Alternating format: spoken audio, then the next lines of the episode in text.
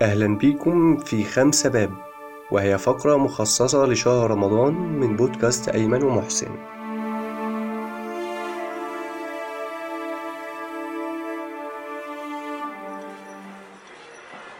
استغفر الله استغفر الله استغفر الله استغفر الله استغفر الله استغفر الله استغفر الله. إيه يا عم أيمن أنت بتصوصو ولا إيه؟ لا يا ابني بستغفر ربنا. فاكر أنت سألتني إيه المرة اللي فاتت؟ إيه أبواب الرزق؟ وافتحها إزاي؟ طيب ما اقولك. فاكر انت في قصة دايما كنت بتقولها لنا بتاعة الإمام أحمد بن حنبل؟ أيوة طبعا. من أحب القصص لقلبي أصلا. طب ما تفكرني بيها كده. بص يا سيدي في أحد القصص المعروفة الإمام أحمد بن حنبل إنه كان عاوز يبيت في المسجد بس الحارس منعه وحاول الإمام أحمد معاه بس برضه مفيش فايدة. فقال له الإمام طب أنا هنام موضع قدمي. هينام مكانه يعني. وقد كان لكن الحارس يعمل إيه بقى؟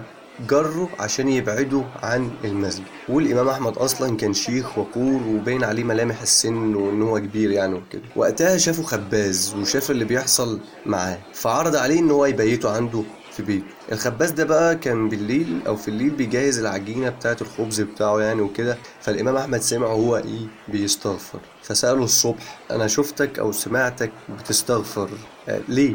فالخباز قال له يعني أنا أنا بداوم دايما على الاستغفار. فالإمام أحمد رد عليه قال له يعني أنت جنيت ثمار استغفارك ده؟ فالخباز قال له بص أنا مفيش دعوة دعيتها إلا واستجابت غير دعوة واحدة بس. الإمام أحمد قال له طب إيه هي الدعوة؟ قال له رؤية الإمام أحمد بن حنبل. فشوف بقى الإمام أحمد قال له إيه؟ قال له أنا أحمد بن حنبل والله إني جررت إليك جرا.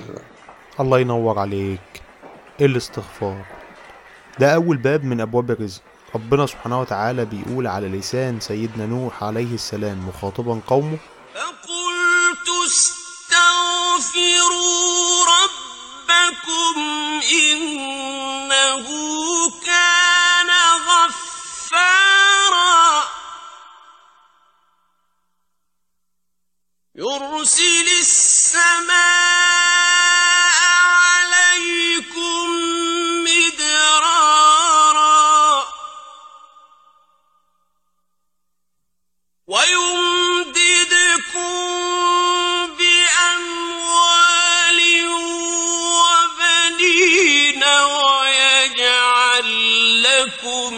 جنات ويجعل لكم أنهارا.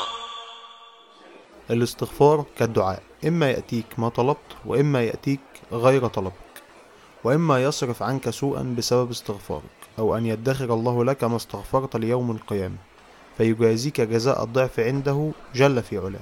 من أدمن الاستغفار جعل الله له بابا واسعا للرزق. اللهم إني أستغفرك وأتوب إليك. اللهم إني أستغفرك وأتوب إليك. في الحلقات الجاية من خمسة باب هنتكلم عن كل باب من الأبواب دي في خمس دقايق أو أقل. راجين من المولى إننا نفتح الأبواب سوا.